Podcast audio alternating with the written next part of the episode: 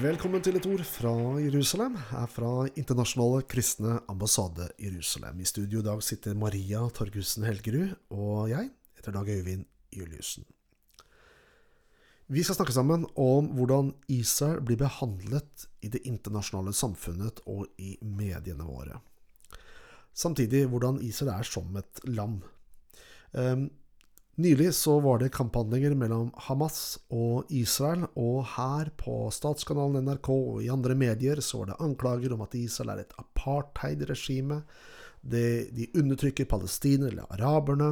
De fordriver eh, innbyggerne, altså etnisk rensning osv. Eh, men det er jo gjort undersøkelser eh, i befolkningen, ikke bare blant jødene, men også blant araberne i Israel, hvordan de har det det stemmer. I 2017 så ble det gjort en eh, kan man si, levekårsundersøkelse eh, for Israels eh, statsborgere. Og da sier den undersøkelsen at faktisk 66% av araberne sier de er svært godt fornøyd eller fornøyd med å bo i Israel.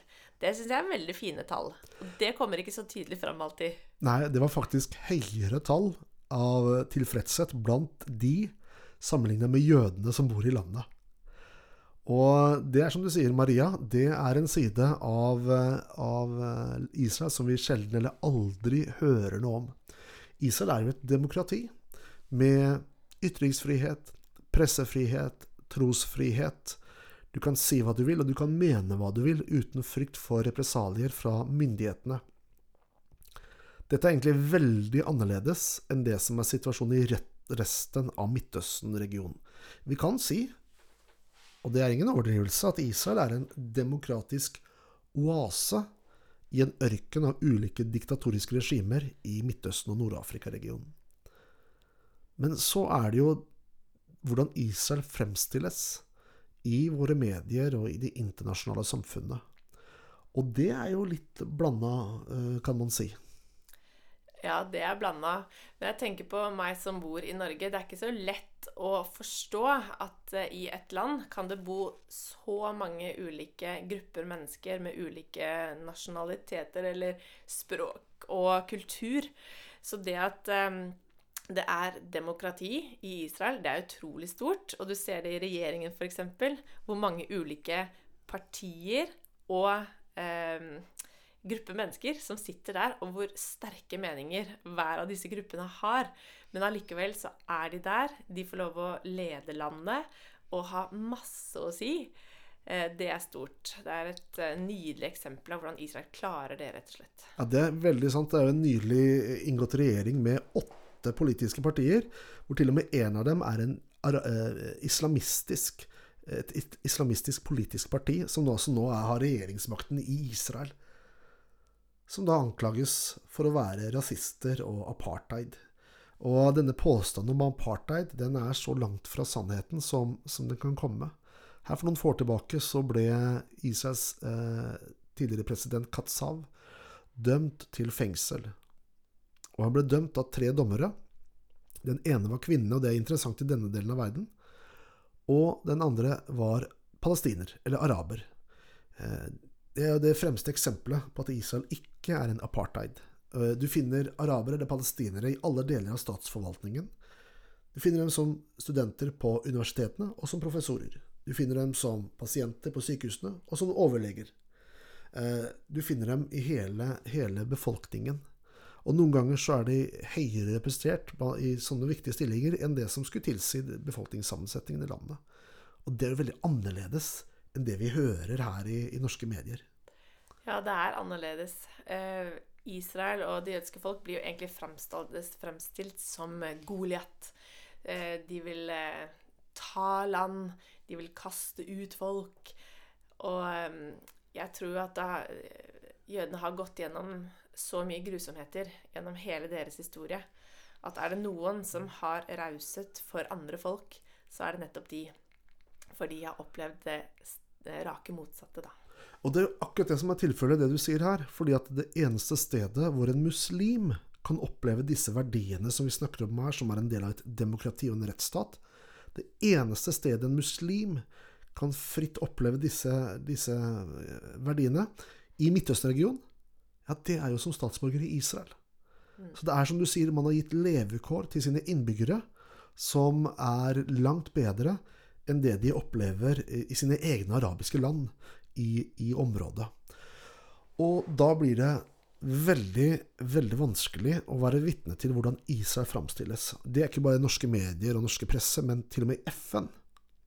United Nations, hvor nasjonene samles, så blir Israel i FNs generalforsamling ofte tre ganger mer fordømt enn resten av verden til sammen. Og du trenger jo ikke være stortingsrepresentant eller atomfysiker for å skjønne at her er det noe som ikke henger helt på greip. Det skal vi snakke mer om, men først skal vi høre på musikk.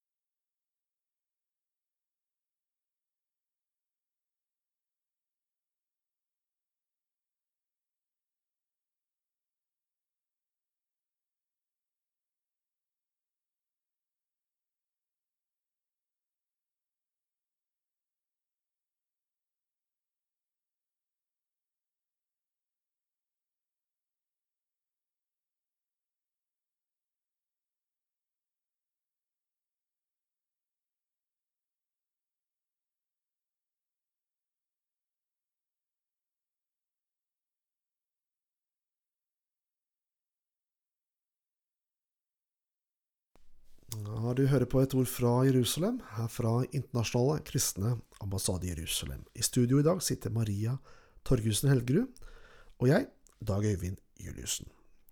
Vi snakker sammen i dag om at Israel er et levende, pulserende, velfungerende demokrati, samtidig som de opplever å bli fordømt, eh, anklaget, forsøkt boikottet av ulike deler av verdenssamfunnet. Og selv i FN så blir de mer fordømt enn noe annet land i verden. Ikke bare mer fordømt enn noe annet land i verden, men de blir mer fordømt enn resten av verden til sammen.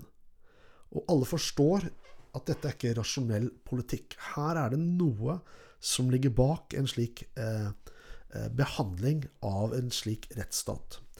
Eh, jeg tror at skal man få en forståelse av dette, skal man få, gi en forklaring på hvorfor er det slik. For det er i grunnen det samme spørsmålet hvorfor blir jødene behandlet slik de blir? Hvorfor blir jødene hatet gjennom hele historien av det jødiske Gjennom hele perioden av det jødiske folkets historie? Um, noen historikere sier, kaller jødehatet for det eldste hatet. Fordi at så lenge jødene har eksistert, så har det også vært et jødehat. Men Bibelen eh, forteller oss noe i denne anledningen.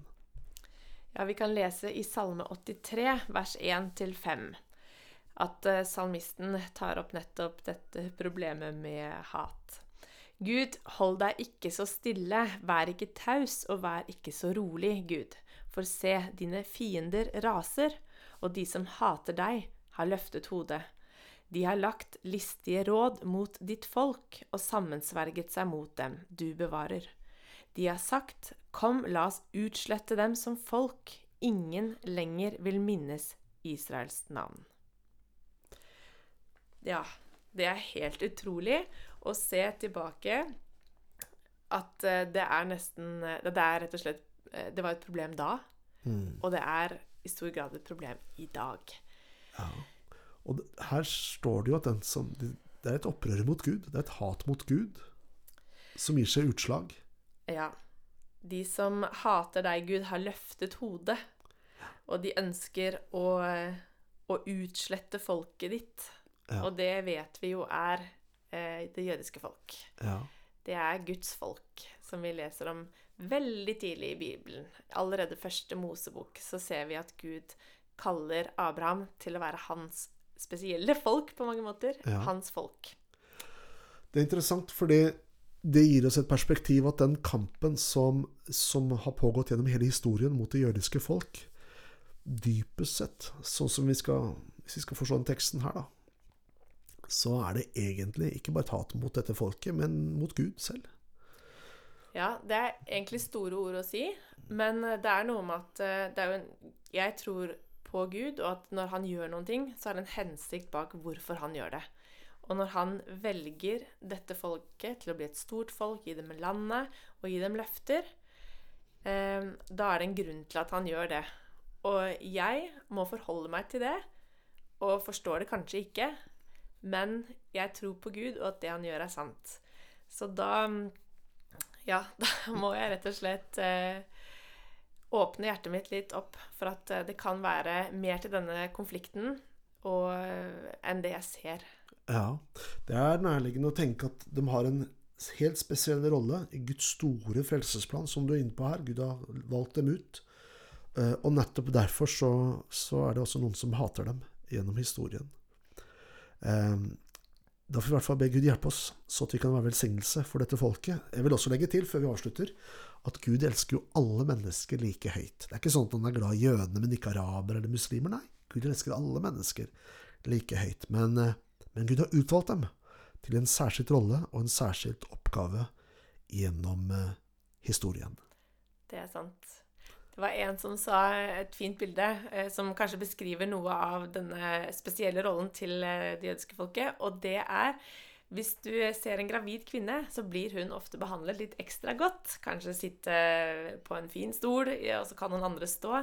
Og det er noe med at eh, hun er ikke mer verdifull eh, fordi hun er gravid, men hun bærer på noen ting som er unikt. Eh, og det samme gjør Israel. De bærer på et kall ifra Gud, og derfor kan vi også få lov å eh, støtte dem og elske dem og heie på dem, rett og slett. Ja, kjempebra. Du har lyttet til et ord fra Jerusalem, her fra Internasjonale kristne ambassade Jerusalem. I studio i dag satt Maria Torgussen Helgerud og jeg, Dag Øyvind Juliussen. Vi takker for følget og ønsker deg Guds rike velsignelse.